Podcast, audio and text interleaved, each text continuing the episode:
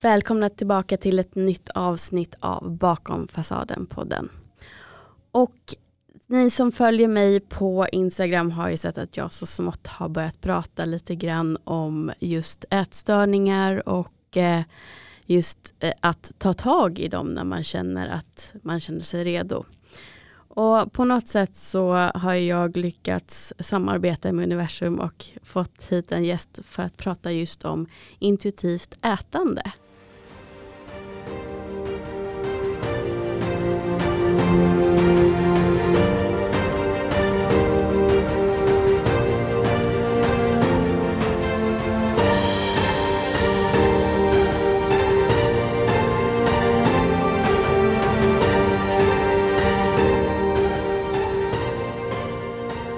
Säger varmt, varmt välkommen till Anna. Ja, tack så jättemycket. Så kul att vara här.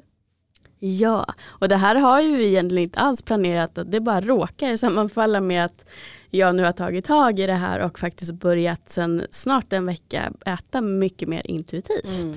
Så fint, verkligen. Och eh, det ska vi gå in mer på, absolut. Och alla som lyssnar och känner att det här är någonting jag också skulle behöva jobba med, att du kanske känner igen dig att du och maten inte har det mest eh, hälsosamma eller sunda tänket och relationen. För det, det är ju svårt att ha kan man nästan säga oavsett hur man ser ut i dagens samhälle beroende på hur samhället ser ut och allt vi matas med. Verkligen. Men först och främst så vill jag såklart att eh, du berättar mer om vem du är och hur det kom sig att du började jobba som coach just i det här ämnet. Ja, absolut. Men jag kan eh, egentligen börja lite från, från början hur jag liksom, ja men precis, kom dit där jag är idag. Um, så jag, detta var säkert när jag var runt ja men 16, så började jag utveckla en, eh, en ätstörning. Och jag kommer faktiskt inte riktigt ihåg hur det började. Det känns nu när jag liksom ser tillbaka på det så känns det som att det bara så var någonting jag, typ någonting som jag hade bestämt mig för. Uppenbarligen är det grejer som byggs upp och sådär men det känns som att det var bara någonting så här. Men nu, nu ska jag liksom ta kontroll över maten och fokusera på det här. Nästan att jag bara vill gå in i det liksom. Och eh, jag förstod inte det då men nu när jag ser tillbaka på det så förstår jag att det var väldigt, väldigt mycket runt kontroll. Mm. Och det är det ofta som jag sa till dig innan också. När det kommer till mat, det är sån lätt grej om man vill få kontroll på någonting så är det väldigt lätt att välja mat. Det är en lätt sak och så här, det får jag liksom kontroll över. Så jag tror för mig var det då mycket att kände att jag liksom inte då hade kontroll över saker som jag gjorde och när jag var ung så var det också väldigt mycket runt prestation, duktiga flickan. Jag kommer ihåg redan från när jag var väldigt liten att äh, det var väldigt, eh, blev liksom uppmuntrad när jag gjorde någonting som var liksom tyst och bra, och man var duktig och allting sånt där. Och också liksom med ehm, just med känslor och sånt där också. Att det hade liksom inget liksom inget space för att faktiskt uttrycka mina känslor helt. Och också för att, liksom också när jag liksom ser tillbaka så var det också så när jag faktiskt uttryckte känslor och man blir arg eller vad det än är för någonting så blev jag oftast också bemött av samma. Mm. Alltså ilska eller att någon blev arg tillbaka och då, då blir det liksom ett väldigt osäkert och otryggt space för det. När man liksom inte känner då att man kan faktiskt uttrycka sina, sina känslor.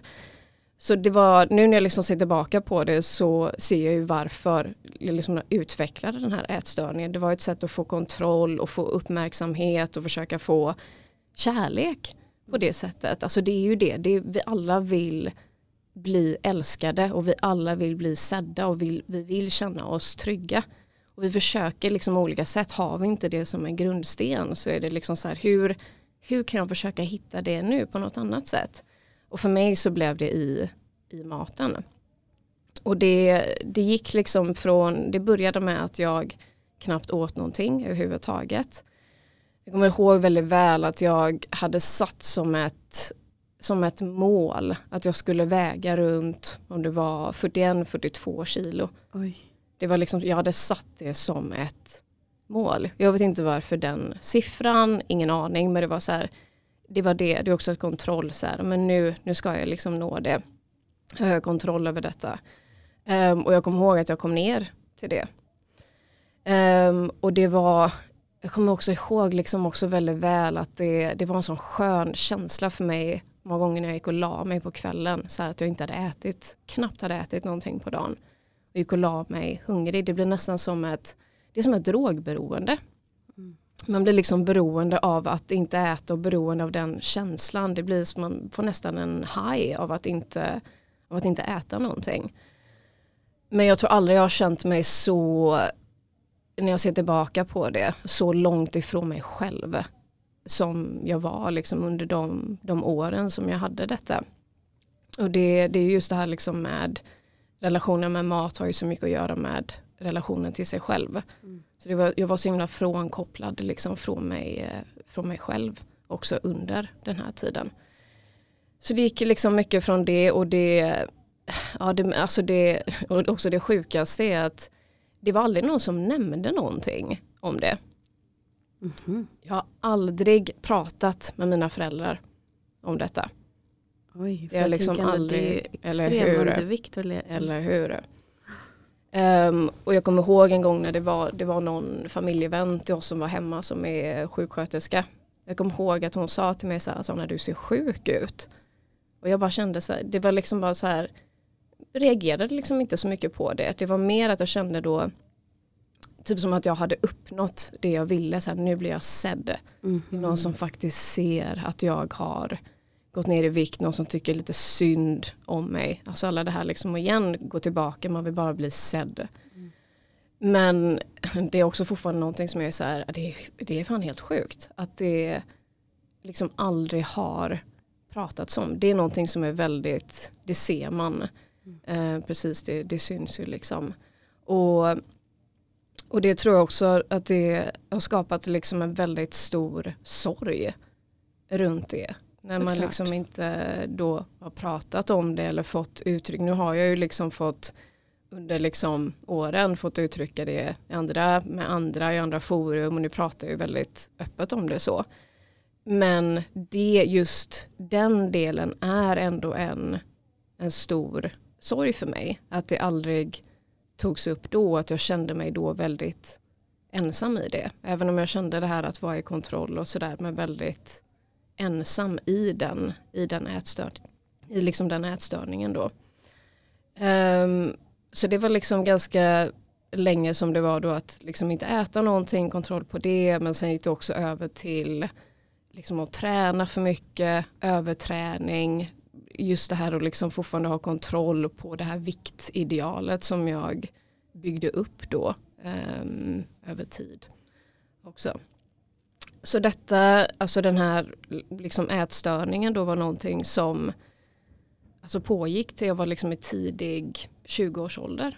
Någonting sånt där. Så det och liksom fram och tillbaka med, med olika saker då liksom. Och sedan så är jag tror bara jag kom liksom till någon punkt när jag kände så här, men fan nu or jag orkar inte det här mer liksom. Det, alltså det tar ju så sjukt mycket på en också och fokusera på det här och liksom upprätthålla någonting och fokusera på mat och sådär. Och på något sätt så blev jag introducerad till yoga. Jag kommer inte ihåg exakt hur men jag kom över det på, på något sätt. Och yogan var verkligen min, vad ska man kalla det för, alltså min, liksom en gateway in till min, till min läkning. Um, och jag kommer ihåg första gången som jag praktiserar att jag bara kände så här det här det är någonting med detta. Det här är någonting som som jag behöver. Och påbörjade min yogapraktik då. Och det var verkligen ett sätt för mig att börja komma tillbaka liksom i min kropp. Alltså grunda mig i kroppen lära känna min kropp komma tillbaka till mig själv.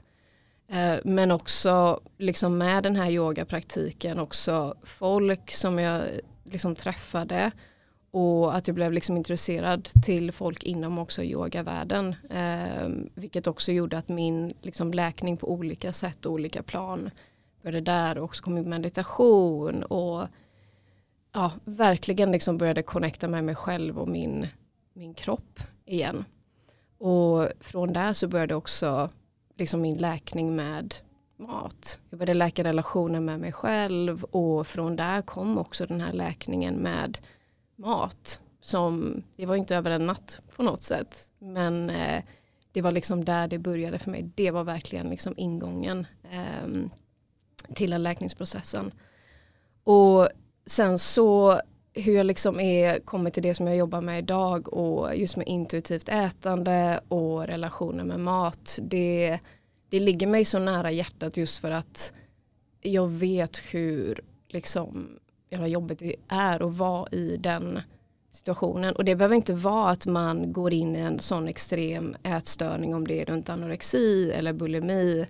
Utan det kan vara liksom att man känner att man liksom har en ohälsosam relation med mat. Och för mig så har den liksom passionen och så här det liksom att det kan verkligen ta över när det är just så mycket fokus på mat och när jag vet att det har så mycket med relationen till sig själv att göra. Och det att få hjälpa andra och hitta tillbaka till sig själv, alltså leva sitt sanna jag, leva i sin sanning och på det sättet också låta den liksom, relationen med mat eh, läkas. Så det, det är så som jag har hamnat där jag är idag. Vad fint och tack för att du är så personlig och, och modig som vågar prata om att eh, du ändå var så pass sjuk som mm. du har varit.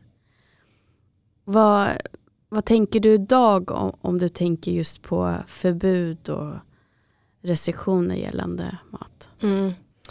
Alltså jag tror det här med förbud, alltså liksom för mig själv nu idag då personligen så det har skiftat väldigt mycket för mig också. Jag har ju inga inga liksom förbud och restriktioner bara för att så här, nej nu får du inte liksom äta detta. Utan det har liksom mer blivit att jag väljer bort saker för att jag gör det liksom från kärlek. Eller jag känner så här, men det här, jag vet att jag inte mår bra av detta. Jag vet att det inte ger mig, att jag liksom inte får näring av det eller mår bra och sådär. Men eh, som ett exempel så, jag var vegan i, i tre år. Och så kände jag liksom bara så en dag, bara, men jag känner mig jävligt sugen på att äta ägg igen. Och bara där men också få se då hur ändå tankar kan komma upp och så här, ja men du kanske liksom ska hålla dig till vegan nu, det kanske är bäst att vara, liksom äta plantbaserat, det är det jag pratat om väldigt länge och sådär. Men också då få utmana mig själv i det och se så här, men om jag nu känner för att äta ägg, det kanske är någonting som min kropp behöver. Det kanske är någonting i det. Och låta mig själv få göra det så att det inte blir då ett förbud. För hade jag liksom sagt då till mig själv så här, nej, men du får inte äta det utan nu ska du hålla dig till den veganismen och den identiteten som, som du har byggt upp. Utan istället då se så här, nej men jag, jag vill ju faktiskt äta det. Mm. Så där har jag ju liksom också, och det är ju någonting som jag ibland fortfarande får jobba med när det kommer upp sådana grejer. Um, och liksom låta mig själv få få äta då vissa saker som jag känner för. för att inte, så att det inte blir det här förbudet, restriktionen. För det kan väldigt lätt bli att man hamnar tillbaka i, inte liksom att det blir en ätstörning så per se igen, men att man skapar liksom den här ohälsosamma relationen till, till mat då igen. Mm. Ja, det är intressant att du, att du säger det för att jag känner igen eh, jag har gått upp och ner i vikt eh, sen 20-årsåldern ska mm. vi säga. Och det vi pratade om lite innan vi satte på räck var också att jag inte riktigt kan säga att det var en enskild händelse eller eh, något som jag precis vet vad det var som gjorde att jag har fått ett komplicerat förhållande till mat. Mm. Utan det är flera olika saker jag kan se. Eh, både med, som jag pratat om förut, att jag i väldigt tidig ålder eh, var väldigt dålig, att jag var undernärd när jag blev adopterad. Och eh, de var tvungna att tvinga mig att äta väldigt ofta för att jag skulle gå upp i vikt. Mm. Eh, och det jag pratat om förut också, just med traumaläkning och sånt, är ju att jag har förstått idag och även senaste forskningen visar att det skapas minnen som lagras i kroppen faktiskt ända från födseln. Eh, så där tror jag säkert att det kan ha någonting att göra med det. Eh, men sen också att trauman i, i den form av våldtäkt har gjort att jag också har ätit för att skapa mig en rustning. Och för där har jag eh, tvärtom mot att vilja bli sedd har velat gömma mig. Mm.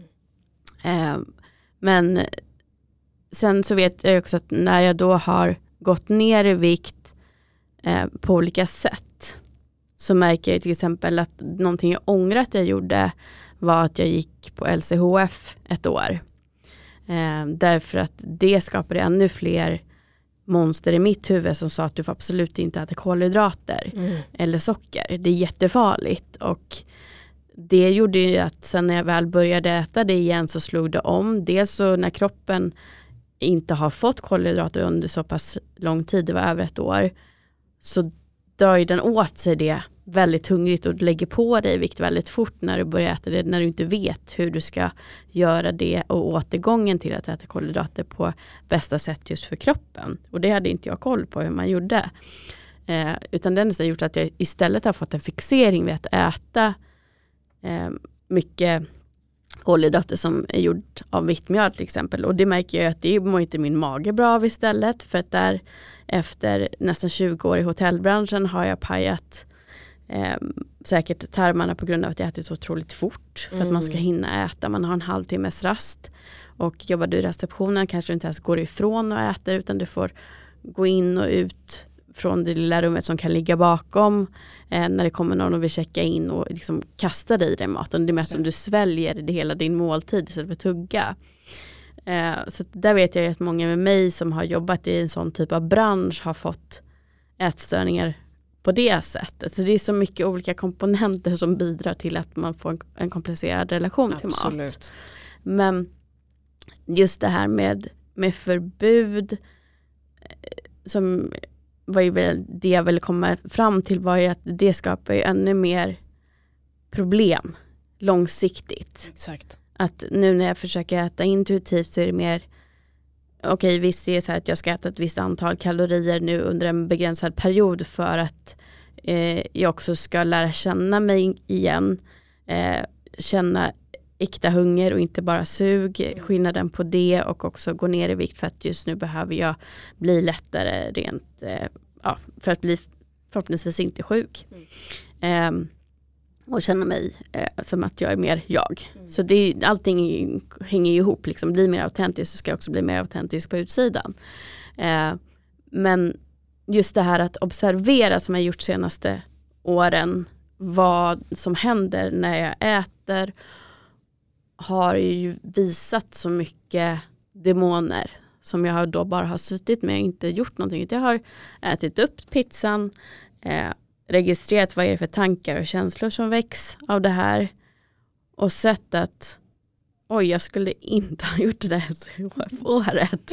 Även om det gav mig en bra eh, kropp på något sätt i mm. samhällets mått mätt. Att jag gick ner mycket i vikt och blev väldigt tunn.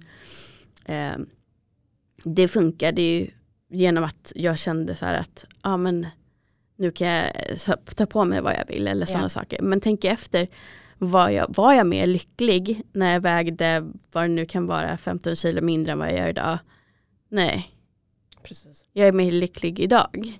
För att jag mår bättre inuti idag. Exakt. Jag hade fortfarande kvar samma osäkerheter.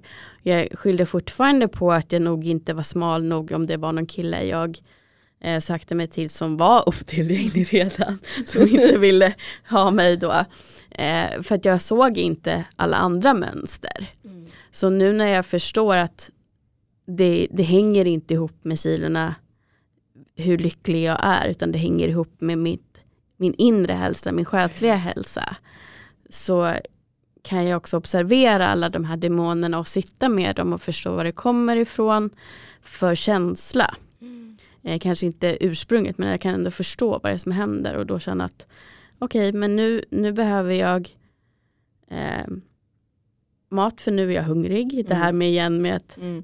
är, är jag hungrig eller är jag sugen? Vill jag ha en morot eller Mm. nej jag vill hellre ha en chokladbit. Okej men då, då kanske du, du, det är det som erbjuds. Vill du ha en morot eller inte? då, då får man, det är en ga- ganska enkel tanke. Verkligen. Liksom man bara, okej nej, men jag är, jag är verkligen hungrig, jag skulle verkligen vilja ha en påse morötter. Då är du Mm. hungrig, då ska du ha mat. Men men att då bli medveten och det är väl det, det som jag tänker också att det, det din resa Mm.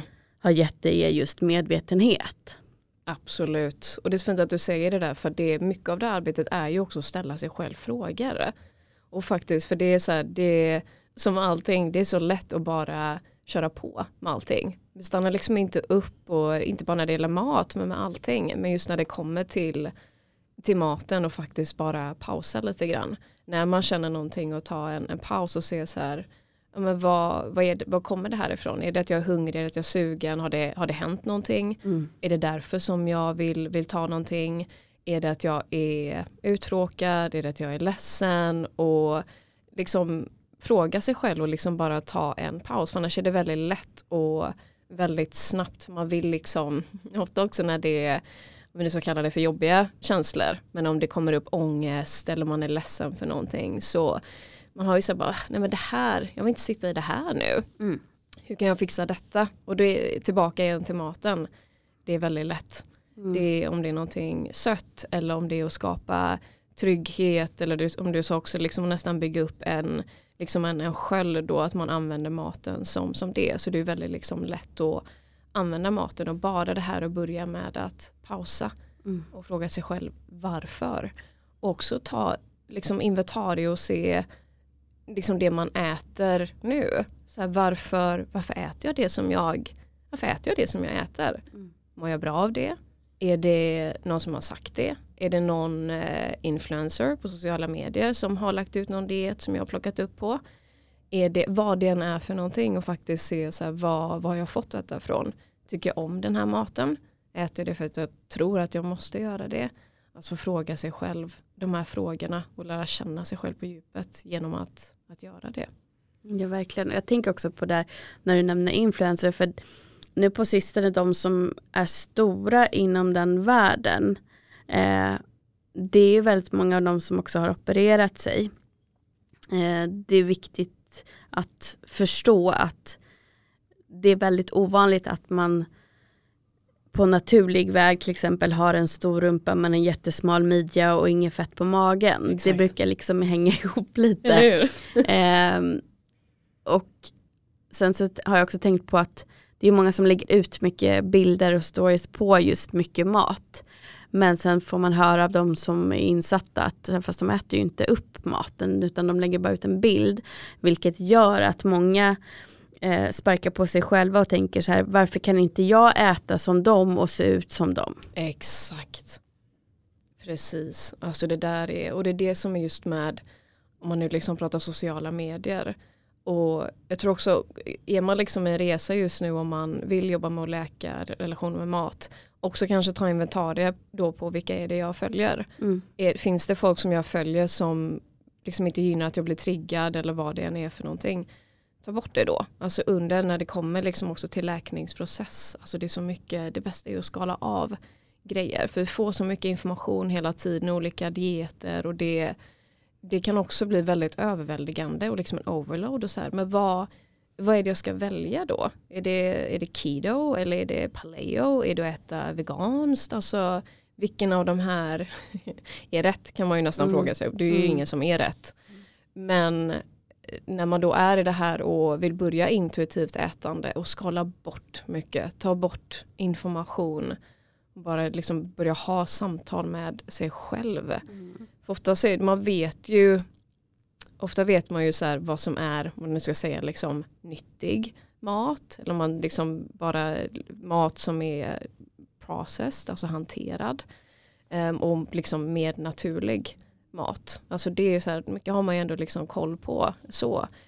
Eh, men att liksom börja fråga sig, sitta ner och fråga sig själv. Liksom de här frågorna och gå tillbaka till det igen. Vad är det jag mår bra av? Vad är det jag vill experimentera med? Varför väljer jag liksom igen det här? Varför väljer jag vissa matgrejer? Men Mm. det här att skala bort saker. Mm. För att eh, det som jag inte förstod heller när jag gick på SHF och var, hade väldigt strikt och lågt intag av kolhydrater som inte kommer från växt kan vi säga för att det, kom, det finns ju även i, i grönsaker och, mm. och, mjölk till exempel. Men det var ju att jag inte förstod att eftersom jag tar bort det här så hamnar jag i kaloriunderskott.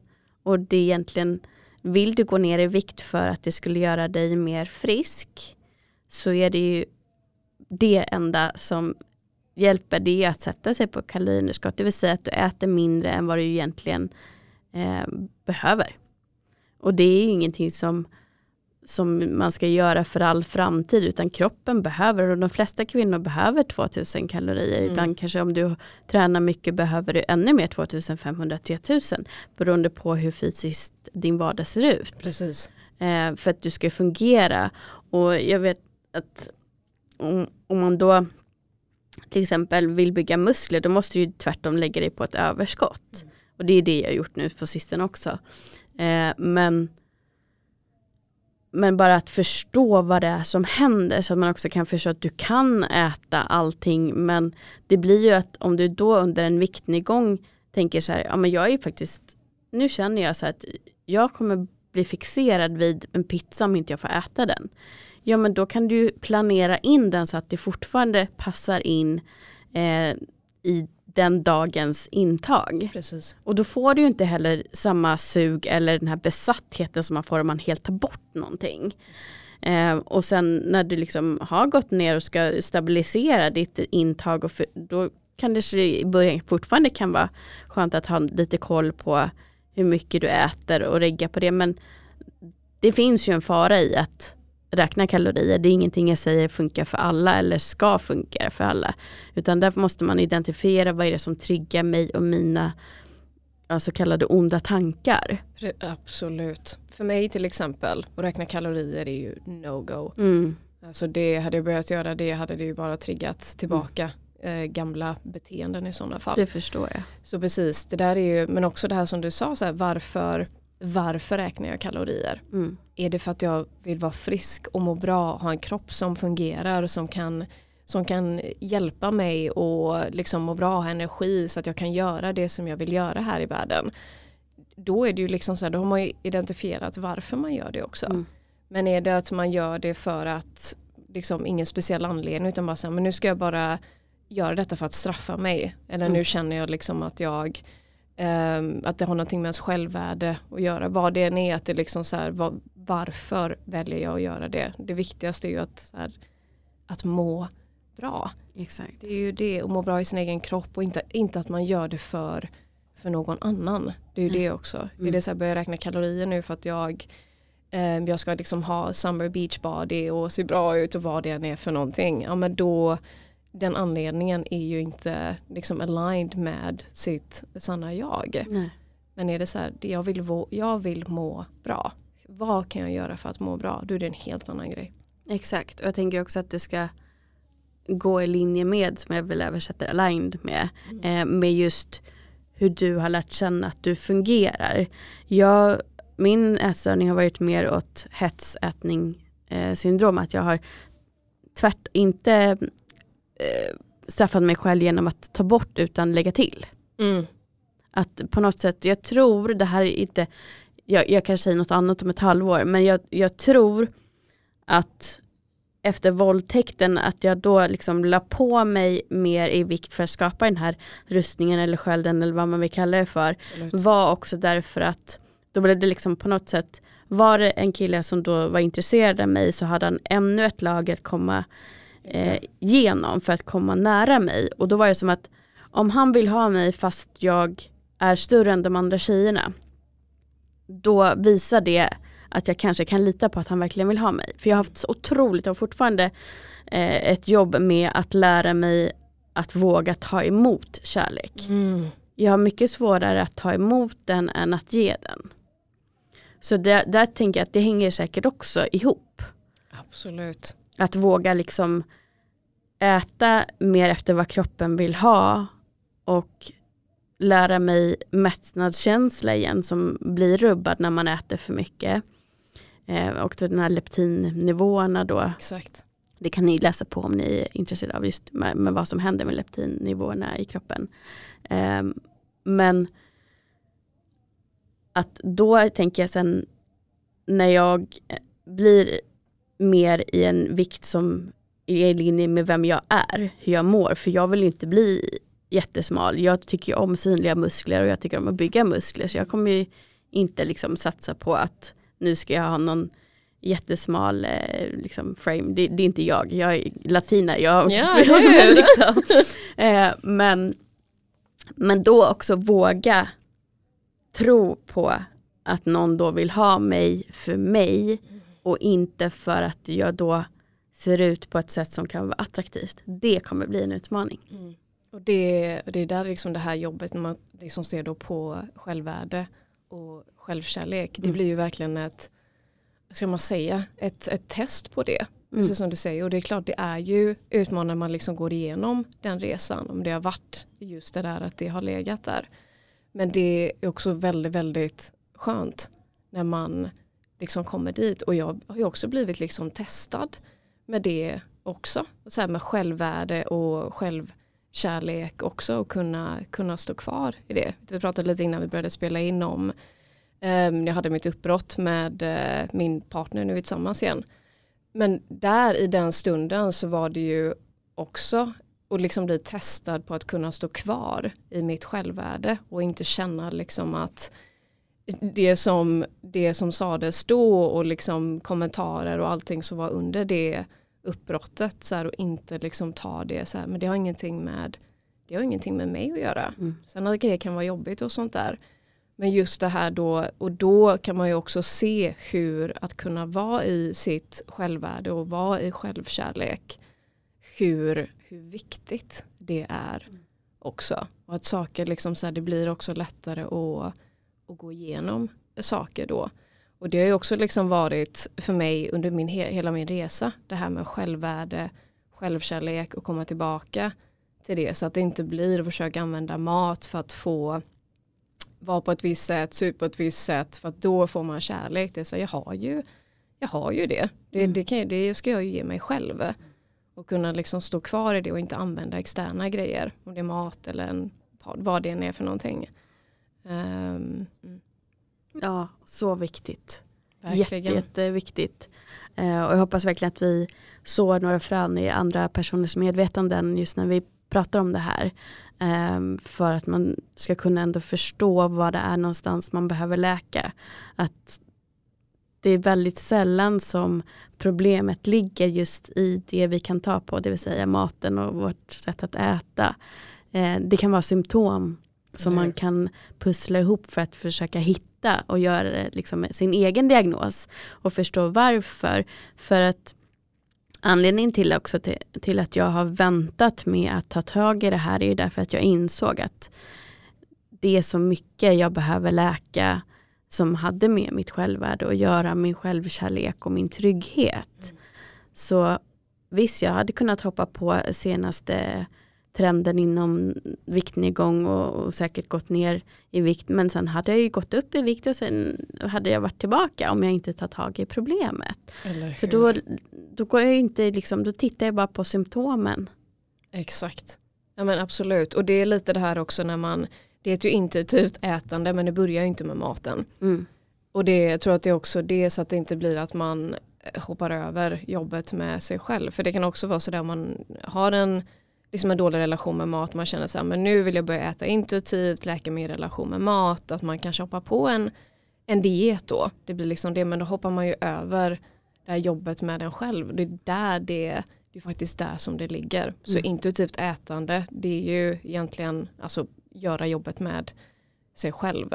Och det, det är ju liksom någonting som är en, eh, vad säger man, en pågående resa. Det är ingenting som, det, tar inte, det finns inget stopp i det det är inte så att liksom nu för att jag praktiserar intuitivt ätande att jag är liksom helt läkt och inte går igenom jobbiga saker och har eh, gamla trauman som ligger som kommer upp till ytan. Det, det är inte det. Men det är ju liksom den inre resan och börja där så kommer det här med maten att man jobbar med det liksom hand i hand så att mm. man inte liksom hoppar över den, den delen. Nej, för det, det hjälper inte dig. Och det som jag har tjatat om i, i hela tiden under jag har poddat det är ju det här mantrat med att lyssna inåt och det är ju samma sak med när du lyssnar på vad är det egentligen kroppen vill ha? Vad är det egentligen själen vill ha? Nu när jag äter mer intuitivt så försöker jag känna efter så här, vad är det jag behöver just nu? Märker jag precis i början nu att jag börjar bli lite yr eller sånt där, ja men jag behöver förmodligen mer kolhydrater. Mm. Då äter jag mer kolhydrater till nästa mål. Och så hittar jag någon bra källa som även ger bra näring mm. inom det. Så det, det som jag också satte dig innan som jag tycker är, är, så härligt det är också att när man äter intuitivt så äter man ju också långsamt ja. och verkligen njuter av varje tugga och tar sig tid att skapa just mat för njutning. Mm. För det som jag också har gjort fel tidigare det är att försöka tänka att mat ska vara bränsle och det ska inte vara någon stor grej, det är någonting jag behöver för att fungera. Men det tar ju bort själva njutningsdelen. Eller hur? Eller hur? Ja men exakt, den delen är ju också jätteviktig och mm. det går tillbaka till det här att äta också saker som man tycker är gott. Sen behöver det inte vara att man liksom äter, om du ska klassa det för onyttiga grejer, jag ska inte använda den termen, men om det är liksom snabbmat och sådana grejer liksom hela tiden, även om man tycker det är gott så kanske inte det liksom gynnar kroppen och mm. sådär utan att man också, men precis, det liksom går tillbaka till det här, liksom, vad, är det, vad är det jag faktiskt mår bra av? Mm. Och det här att också ta just det här med stillhet, alltså det är så mycket magi i att bara vara stilla mm. och vara liksom i tystnad. Och det här, jag vet att det kan, kanske känns flummigt ibland det här att lyssna till sin kropp och så att man är så, men hur, hur fan gör jag det? Hur lyssnar man till sin kropp? Men det är också att börja och bara, alltså någonting som man kan göra är att man sätter sig ner, man sitter i stillhet, i tystnad, det kan vara 5-10 minuter. Och så här, vad, är det som, vad är det som händer i min kropp just nu? Hur känner jag? Har jag ont någonstans? Är jag varm? Är jag kall? Hur känns det över mitt liksom, hjärtcentra? Hur slår mitt hjärta? Så bara faktiskt, för det är så sällan som vi faktiskt gör det. Mm. Och att man bara liksom sitter så här, vad är, det, vad är det som händer i min kropp just nu? Och vad är det som, vad känner jag? Känner mig glad? Känner mig ledsen? Känner jag någon typ av ångest? Och bara få låta det vara där, man behöver inte göra någonting åt det. Men det är också det här att connecta med sig själv och faktiskt göra det. Och det, det är någonting man kan göra liksom varje dag, man bara sätter sig med sig själv. Och som sagt, det är ingenting som man behöver lösa och fixa i den stunden. Men man, är man liksom inte van vid att göra det och känna att man, det här med att lyssna till sin kropp, så här, vad, vad är det? Börja där. Det kommer vara så mycket som man börjar att man börjar lära känna sin, sin egen kropp på det sättet. Ja, för det ska ju fortfarande vara liksom, jag tänker glädje förknippat med allting som du gör. Eh, som du ändå måste göra. Du måste röra på dig, du måste äta, du måste sova. Eh, om, om någonting felar inom de områdena så märks det väldigt tydligt på ens mående. Mm. Och jag tänker just med det här eh, med att klassa mat som bra eller dåligt. Jag vet ett jättebra konto om man vill komma bort från det tänket eh, som också ska länka i beskrivningen. Mm. Det är en kille som heter Marcus, jag tror den heter Mackans kost och han har även koststudion. Mm. Och han pratar väldigt mycket om att ja, men det är klart man ska äta det som är gott. Men jag tycker han har så bra balans med mm. att han har liksom eh, lördagsgodis och lägger upp så att det ska vara fint och när man tänker efter han, han blandar ju det, till exempel hans favoritgodis då mm. Eh, tillsammans med jättegoda bär och, mm. och sådana saker. Och han har kvällsskålen för att ofta behöver vi energi även eftermiddagen. Eh, in, så att vi inte går och lägger oss och är hungriga för då Precis. sover vi dåligt. Eh, och, och sådana saker. Men också hela tiden så här, prata om bra val och allting ser så gott och njutningsfullt ut. Ja. Eh, och sen också faktiskt äta den här eh, så kallade skräpmaten eller snabbmaten någon gång bara för att helt enkelt njuta av just den njutningen. Absolut. När man behöver. Absolut. Att inte tänka att nej, du får absolut aldrig äta det här igen utan du får äta precis vad du vill. Ställ dig bara frågan, vill jag verkligen äta det här just nu? Exakt. Du får, vill du?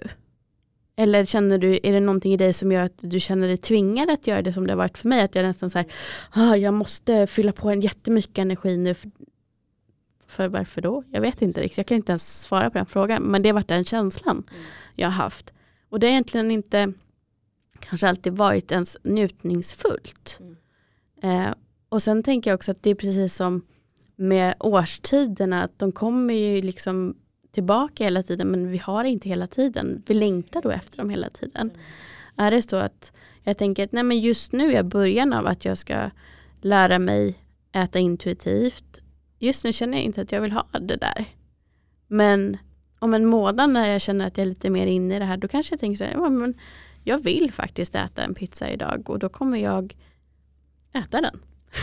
Absolut, och precis som du säger också precis kunna njuta av saker. Mm. För det blir ju också det här då man börjar plocka bort grejer helt som man faktiskt verkligen tycker om. Då blir det, går det tillbaka till det här förbudet. Mm. För kro kroppen kan hantera det. Så här, har man, börjar man bygga upp med intuitivt ätande, man äter saker som man vet att man mår bra av och sådär. Alltså kroppen fixar liksom att man äter en, en pizza eller om det är en cupcake, vad det än är för mm. någonting som man tycker är, är liksom nice och njutningsbart. Och precis också där gå tillbaka till det också hur man, hur man äter. Mm. Tiden man tar, vad är det för eh, vad har man för känsla runt när man liksom sätter sig ner och äter? Kommer man in och är stressad och det är någonting som pågår när man äter? Och det där är också sådär och det kan man också liksom bara ta en stund innan också man äter. Man har mycket och sådär och bara ta några minuter innan. Man kan liksom sitta och andas djupt. Man kan eh, det kan vara att man sätter på musik. Det skapar ju liksom med det här liksom high vibes. Att man skapar glädje och de här känslorna runt mat och ätandet också. Det mm. hjälper också väldigt mycket på den processen så att inte mat blir någonting bara som att man måste nu måste jag bara äta, nu måste jag skynda eller få det gjort att man inte sitter med det utan faktiskt skapa en och det kan vara att man skapar en liten ritual, man kanske tycker om att ha när det är väldigt rent, man kan tända ljus, alltså skapa liksom en, en vibe som känns bra för då kommer också när du äter vad det än är för någonting då, då kommer liksom att det intentionen runt ätandet också var, var annorlunda. Mm, verkligen. Och där tycker jag att det är en utmaning när man bor själv. Att inte sätta sig och äta omedvetet. Mm. Att titta på någonting på datorn, tv, mobilen samtidigt. För då märker jag ofta att när jag har haft sådana perioder när jag ätit väldigt omedvetet så kan jag knappt beskriva smaken av maten efteråt för att jag har inte varit där, jag har inte varit närvarande i det. det. här. Och då tappar jag hela den här njutningsdelen av att äta god mat och känner att nej men det där behovet är inte uppfyllt. Mm. Jag måste nog äta någonting till. Mm. Någonting mer. Eh, och sen också att lära sig mer om näringslära. Jag har ju haft kunskapen hela tiden men inte men sen ändå ätit på ett annat sätt. Särskilt efter eh, LCHF när, när jag mm. blev nästan besatt av kolhydrater. Det. Men det som händer också med snabba kolhydrater, om det är pasta eller något annat som det är vitt mjöl i, är ju ofta att belöningscentra i hjärnan kickas igång. Mm. Vilket gör att du vill ha mer såklart. Du vill ju ha mer mm. av den här härliga känslan som väcks. Mm. Um, och nu när jag varit mer medveten så kan jag förstå när det, när det triggas igång att jag vill egentligen inte ha mer. Eller kroppen känner sig ju mätt. Mm. Utan det är hjärnan som luras för den vill ha mer av den känslan. Exakt. Och sitter jag bara med den så försvinner suget. Mm. Istället Eller för att agera på det. Eller hur. Precis. Och som med känslor generellt, liksom sitter man bara med känslor och låter det vara där mm. så försvinner det efter ett tag. Ofta ser du det här att vi vill liksom inte sitta kvar. Mm. Det där, men det är exakt samma med sug efter någonting. Det kommer att försvinna men det, och det är alltid mest utmanande i början när man börjar med någonting sånt här. Att faktiskt så inse att det är okej, okay, men det försvinner. Men det är lite det här see to believe också när man börjar liksom göra det. Så bara, aha, det funkade verkligen det känns bra, då kan jag göra det liksom nästa gång också. Jag vet att det, inte, att det inte kommer vara så jobbigt som jag har tänkt i huvudet att det, att det, liksom, att det kommer vara. Och, men också liksom under den, så när man börjar gå in i en sån här resa att ha också mycket nu vet jag inte svenska ordet för det, men self-compassion. För, Självmedkänsla. exakt, för sig själv när man liksom går igenom detta. Mm. Och det är så här, om man känner då att man börjar med någonting och man äter någonting som man på något sätt har byggt upp det att det inte är nyttigt, att man inte skulle äta det. Att det inte liksom blir som att man har helt så här liksom fall off the wagon och nu har jag misslyckats och vad det än är för någonting. Det är liksom igen kroppen, kroppen fixar det och bara Mm. man gör någonting varje dag liksom inom den här resan och det kan vara som du berättar när man liksom är distraherad och man kanske gör någonting medan man äter. Börja med ett mål om dagen då, om det är att du gör grejer varje mål. Mm. Börja med ett mål om dagen då. Det behöver inte vara att man gör en 360 på en gång. Det, det kan liksom också bli väldigt mycket om man känner att det här var inte kul. Mm. Börja med någonting då. Mm. Och sen så liksom bygger man upp det över tid och oftast blir det att man börjar känna att det här mår jag bra av. Det här vill jag fortsätta med. Jag vill stötta min kropp i detta. Så, så blir det lättare. Men inte det att igen, för annars kan det bli tillbaka till det här att man ska ha kontroll. Att nu ska jag vara duktig och speciellt då, både för män också, men jag tror speciellt för oss kvinnor, det här duktiga flickan syndromet och nu ska det vara ordentligt, nu ska jag göra det här perfekt, nu ska jag göra det här rätt. Alltså det har jag ju också varit inne i och så här, nej men det, släpp det nu. Det behöver liksom inte vara perfekt. Det viktiga är liksom att man gör någonting och känner att man liksom är på väg och in, är på den resan som man vill, vill vara på. Verkligen. Och jag tänker också att ett verktyg kan ju vara i också resan att lära känna sig själv.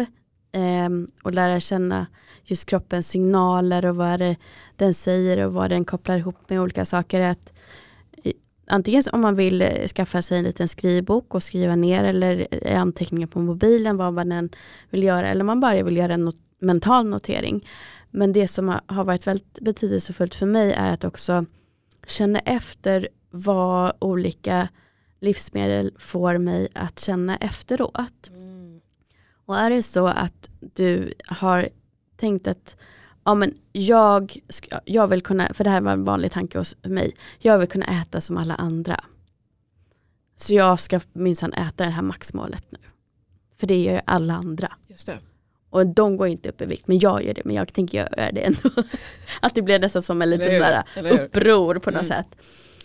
Men ofta när det blir för mycket, för man kan ju fortfarande hitta bra versioner av just hamburgare och pommes frites till exempel. Absolut. Eh, men när det blir kanske för mycket för just din kropp som gör att du kanske inte mår så bra, du kanske får ont i magen efteråt eller eh, om du äter mycket socker så kan i alla fall jag få hjärtklappning.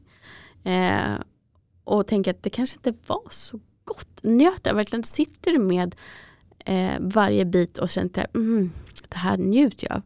Fine, då är det här jättebra. Då ska du notera att det här var njutningsfullt. Då vet du vilka godisar som du verkligen njuter av och de ska du ju gå till när du har din godisstund. Liksom. Men när du bara på måfå äter saker som du kanske sen inte mår bra av, då kan man också notera att det här var någonting jag inte vet om jag verkligen gjorde för mig, Mm. som verkligen gynnade mig. Då blir noteringen istället att det här var inte värt det för mig. Det här vill jag inte göra om. För att annars glömmer vi bort det och så gör vi bara om Eller det hur? hela tiden. Verkligen. Ehm, och på så sätt så skapar man också en ökad medvetenhet tänker jag. Absolut. Det, verkligen. Och det är just det här att det är en process. Och få lära sig, känna sig själv igen och precis se det så här, är det här någonting jag njuter av, mår jag bra av det? Eller är det någonting som jag bara gör för att det går på eh, autopilot liksom, Mm. som jag bara har gjort hela, hela tiden. Men det är också det här när man liksom kommer till den punkten när det är att man faktiskt gör det för sig själv. Mm. Alltså då har man ju också börjat komma väldigt långt för då, då gör man det inte liksom för någonting yttre utan då är det så här okej men jag vill ju må bra.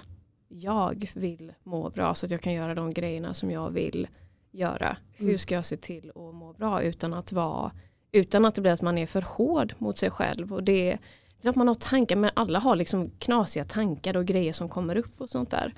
Men just det där när man börjar liksom fokusera på vad är det, vad är det som gynnar mig Mm. och mitt mående. Det är ju Mm. det allra allra viktigaste. Precis och jag tänker att om då är någonting som skänker dig mycket glädje är till exempel att du älskar att gå på spinning eller rida. Då kommer det också tillbaka till vad behöver, hur mycket bränsle behöver jag för att faktiskt orka göra det här som jag tycker är så kul. Exakt. Jag behöver ju ganska mycket bränsle. Jag behöver äta mycket och har man då den typen av problematik som du hade Anna, Mm. Då behöver man ju förstå att man behöver tillsätta eh, för att orka i längden och hålla i längden. Om man den problematiken som jag har så behöver man kanske tänka att jag behöver mer näringsrik mat Mm. och bättre typ av mat eh, i alla fall i 80 procent för att orka längre och orka göra det här och, och det inte ska vara så tungt att sparka i eh, thaiboxningen till exempel som var en ögonöppnare för mig. Ehm, att då behöva tänka att men det här är ju jag, som du säger, för min skull. Mm. För att jag ska kunna göra det som jag älskar. Mm. Inte för att samhället eller män eller mina föräldrar eller mina vänner ska tycka att jag ser bra ut och är bra på grund av att jag är smal och fit. Vad det nu kan vara. Utan för att jag vill må bra och leva länge.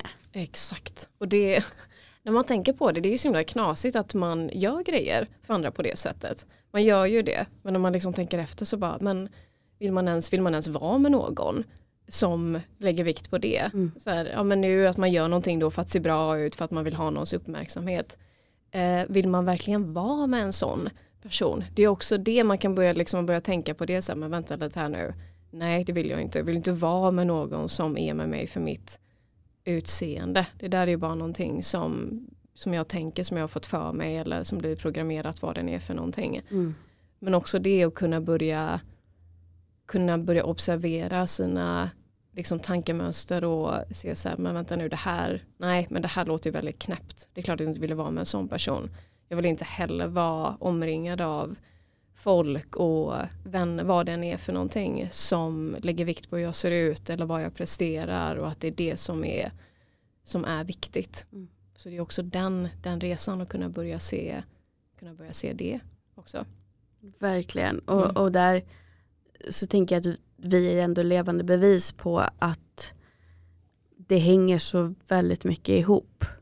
Och att det är så värt att också låta det få hänga ihop och börja jobba med sig själv och göra sin inre resa och, och lära känna sig själv och förstå vad vill jag, vem är jag, vem vill jag vara framför allt.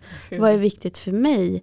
Min livspartner är ju jag själv. Ja, Jag kan lämna alla andra och alla andra kan lämna mig men jag kan aldrig lämna mig själv. exakt.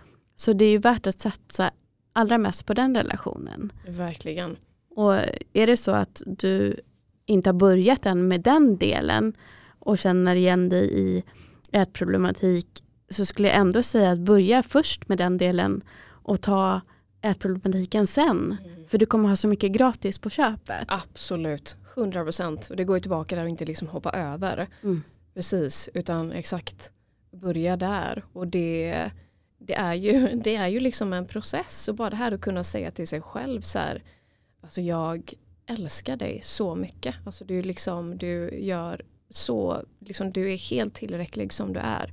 Vad som än, jag kommer ihåg att jag satt på um, det är så lustigt för det här var någonting som jag sa till mig själv. Det var precis innan jag och min partner eh, bröt upp.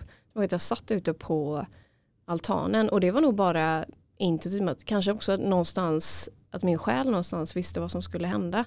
För jag bara satt och sa till mig själv så här, alltså jag älskar dig, vad som än händer så, så, har vi, liksom, så har vi varandra. Nu pratar du liksom så till, mitt, till mig själv. Men det är så här, det, vad som än händer så är det lugnt. Vi kommer alltid liksom, vi kommer alltid ha varandra. Eller prata till mitt inre barn eller sådär. Men att man liksom börjar där och kan bygga upp den. Även om det känns, man kanske inte ens menar det i början. Men att börja säga det där att det, att det går in och faktiskt prata med sig själv. Precis som du alltså säger, det, det är där det, det är där det börjar. Så får man så mycket gratis och det blir så mycket lättare från, från den punkten. Verkligen. Om vi ska försöka sammanfatta det och jag tänker också det det går väl lite hand i hand också med, med det du ändå arbetar med när du coachar. Va, vad skulle du sammanfatta som de viktigaste tipsen till den som lyssnar? Mm. Jag tror att det är det här att börja med att alltså börja ställa sig själv frågor. Ofta är det, där, det är oftast det som man inte har gjort. Man gör saker igen på autopilot. och faktiskt bara ta ett moment och det kan vara 5-10 minuter och bara sitta ner och först alltså känna in sin kropp. Bara det, notera så här, vad, vad är det jag känner för någonting. Eh, vad händer i min kropp? Eh, men sen också börja ställa sig de här frågorna. Vad, vad är det jag äter för någonting nu? Är det, tycker jag att det är gott? Är det någon som har sagt att jag ska äta det? Var har jag fått det ifrån? Är det någonting jag mår bra av? Njuter jag av det när jag äter? Hur äter jag? Är det, äter jag liksom när jag är stressad, on the go? Alltså egentligen bara ta liksom inventarie och börja där så att man faktiskt lär känna sig själv och vad det är man faktiskt har fått liksom saker ifrån när det kommer till, till maten. Och sen där också som, som du nämnde också det här att liksom ta en paus när man känner någonting, man kanske känner ett sug eller eh, man känner sig dragen till att äta någonting och bara ta en paus innan man gör det valet och så här, varför är det varför väljer jag att äta det? Är det för att jag känner att jag mår bra av det? För att det är någonting som jag känner är gott och som jag vill sätta mig ner och njuta av? Eller är det för att jag liksom känner jag mig ledsen just nu? Är det någonting som jag försöker tycka, är jag faktiskt hungrig? Och faktiskt ta liksom en, en paus. Och det är där också man börjar liksom bygga upp, om man nu pratar intuitivt ätande, sin intuition runt mat. Men jag tror liksom nyckeln är också det här att liksom göra det här jobbet med, med sig själv. Och det är så mycket också som spelar in i det och hur man, hur man liksom mår i vardagen. Gör jag saker som jag tycker är kul? Mår jag bra på jobbet? Mår jag bra i mina relationer? För det, mat kan också bli ett sätt att försöka fixa grejer på. Så att man, inte liksom, man är inte nöjd med saker, man är inte glad i sitt jobb, man känner sig, man inte, man känner sig inte lycklig. Och då blir det väldigt lätt att, igen därför att mat är så tillgängligt, och försöka hitta den känslan genom mat. Men det går, det går inte. Det går i, i stunden, som med socker till exempel. Precis sätta igång ett belöningssystem. Det är ju samma som när du tar liksom, eh, droger. Så det är klart att det, det är lätt att, att liksom röra sig till, till det. Så också liksom faktiskt börja fråga sig själv de här frågorna. Och det kan vara jobbiga frågor. Och speciellt när det kommer till relationer. Vad det är, om det är vänner, om det är en kärleksrelation. Mår jag faktiskt bra i detta? Mm. För det, det är det det kommer ner till. Mår man, mår man bra? Och det betyder inte nu att man aldrig känner några jobbiga tjänster. Det är inte det. Men är jag, gör jag faktiskt det som jag vill göra? Lever jag i min egen sanning? Som du sa också, vem är jag? Vad är min sanning? Vad tror jag på? Om jag skalar bort alla de här grejerna som är från samhället, från familj som mina föräldrar har, har sagt vad det än är för någonting. Vad är det jag tror på? Vad är viktigt för mig? Och det är där, alltså att börja ställa sig de frågorna, ska jag säga, verkligen att, att börja där, än att faktiskt börja med maten. Mm. Viktigt. Mm. Tack så mycket. Ja, tack själv. Och om eh, de som lyssnar känner att ja, men jag vill ta det här men jag behöver stöd och mm. hjälp och vill eh, bli coachad av dig. Mm. Hur når man dig lättast? Alltså lättast är genom Instagram, eh, nourished with Anna. Bara skicka med ett meddelande där. Det är det allra enklaste. Och sen så är det ju också så att du precis har startat en egen podd. Ja, ja det är så kul. alltså det är typ något av det roligaste som jag gjort på, på länge. Det är verkligen superkul. Jag älskar att ha sådana här, alltså, som vi sitter nu och pratar, ha sådana här konversationer och också kunna dela med sig av inspiration och ja, podden är också den som jag startat nu och faktiskt ja, men hjälpa folk att hitta tillbaka till sig själva och intuitivt ätande kommer ju vara del i, i det också. Så det är superspännande. Vad heter den och var hittar vi den? Ja, den heter också Nourished with eh, Anna och den eh, finns på Apple Podcast och eh, Spotify. Härligt, då ska jag se till att länka även till det. Så du som lyssnar, titta i beskrivningen av varje avsnitt för jag kommer alltid länka kontaktuppgifter med gästen där så att ni kan få kontakt och få vidare hjälp. Och ett ord jag också, eller en mening jag vill att du som lyssnare ska ta med dig det är att du är värdefull och du är värd att få äta utan skuld. Så verkligen, det här menar jag extra mycket i det här avsnittet. Tack till dig som har lyssnat. Tack Anna som har varit här. Och tack för att du tar hand